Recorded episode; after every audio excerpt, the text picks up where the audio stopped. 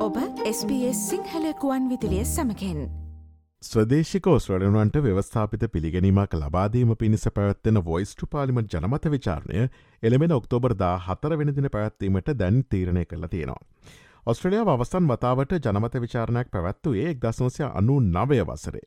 එතකොට අගමැති වෙලා හිටියේ ජෝන් හොවාඩ්.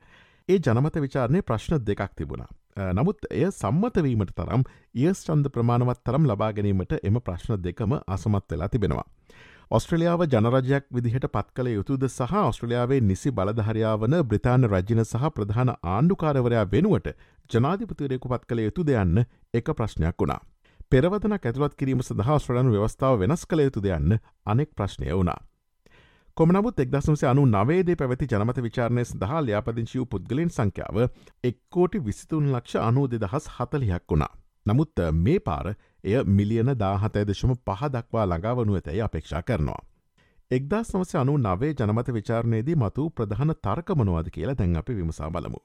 එවකට ඔස්ට්‍රලනු ජනරජ ව්‍යාපාරය මෙහෙවුණු ලැබුවේ මැල්කම් ටර්න් බුල් විසින්. පස්සේ ඔහු ලිබරල සඳහනය නියෝජනය කරමින් ඔස්ට්‍රලයාාවේ අගමැතිවරයෙක් බවට පත් වනා.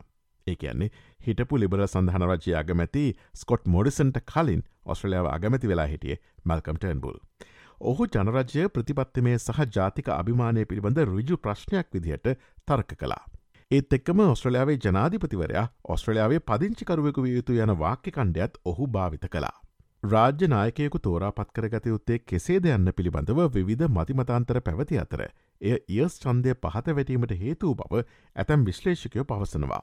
ජනරජය සඳහා වූ යස් චන්ද ප්‍රචාර්ක ව්‍යාපාරයට බොහෝ ඉහළ පෙළේ ඔස්ට්‍රලන්ගේ සහය ලැබුණු අතර එය ප්‍රභූ ව්‍යාපාරයක් බව තරක කිරීමට නෝ චන්ද පාර්ශවයට මඟ පෑදුනා.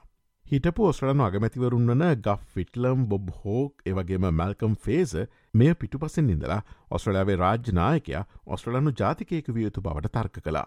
මේ යෝජනාව හරහා රට වඩාත් ප්‍රජාතන්ත්‍රවාදී කරන බවත් පාලනයට පරණත භාවයක් ගෙනෙන බවත් ඒස් චන්ද ප්‍රචාර්ක ව්‍යාපාරය කියා සිටියා. ජනරජයක් සඳහා ඉල්ලීම් කලායට විශේෂයෙන් අගමැති හොවාඩ් විසින් ලියනද ආණ්ඩුක්‍රම ව්‍යවස්ථා පූර්විකාව සම්මත කරගැනීමට අවශ්‍ය වනේ නැහැ. නෝ ව්‍යාපාරය කියන්නේ රාජකය පවුලට විශෂයෙන් දෙවැනි එලිසබත් රජනට සහ ප්‍රභූවරුන්ට එරෙහිව හඹාගිය රාජණ්ඩුවාදින්ගේ මිශ්‍රණයක්. ජනරජයක් සඳහා යෝජනා කර ඇති රාමුව සෑහිමකට පත් නොවන බවසිතූ බොහෝ අයද නෝලෙස මේ ජනමත විචාරණයේදී චන්දය ලබා දුන්නා. ඒත් එක්කම මේ යෝජනාව සැලකයුතු කිසිදු වෙනසක් නොකරුණු ඇතැයි තර්කරපු අයත් නෝවිදිහට චන්දය භාවිත කලා. මේ යෝජිත ක්‍රමය දේශපාලකයාගේ ජනරජයක් නිර්මාණය කරන බවත් එය ප්‍රජාතන්ත්‍ර විරෝධී බවත් නිල වශයෙන් ක්‍රියාත්මක වූ නෝව්‍යාපාරය තර්ක කලා. යෝජිත ආකෘතය යටතේ ඔස්ට්‍රලියාවට යහපතක් නොවන නිසාත් වර්තමාන ක්‍රමයට අති විශාල ප්‍රතිලාබ ඇති නිසාත් තමා නෝයනුවෙන් චන්දය දෙන බව එවකට අගමැති ජෝන් හවාඩ් පැවසවා. එක්දස් නවසේ අනු නවේ පැවති ඔස්ට්‍රලයාාවේ අවසන් ජනමත විචාරණය ප්‍රතිඵලමොනවද. කිසිම ප්‍රාන්තයක් ඒස් චන්දය සඳහා බහුතරයක් ලබාගත්තෙ නැහැ.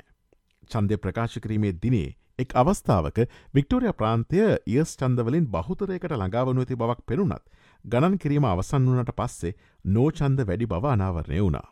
ඔස්ට්‍රලියාව ජනරජයක් කළයුතු යන ප්‍රශ්නය සඳහා ඒස් චන්දය කුයිස්ලන්තේ සයට තිස් හතක් වුණා.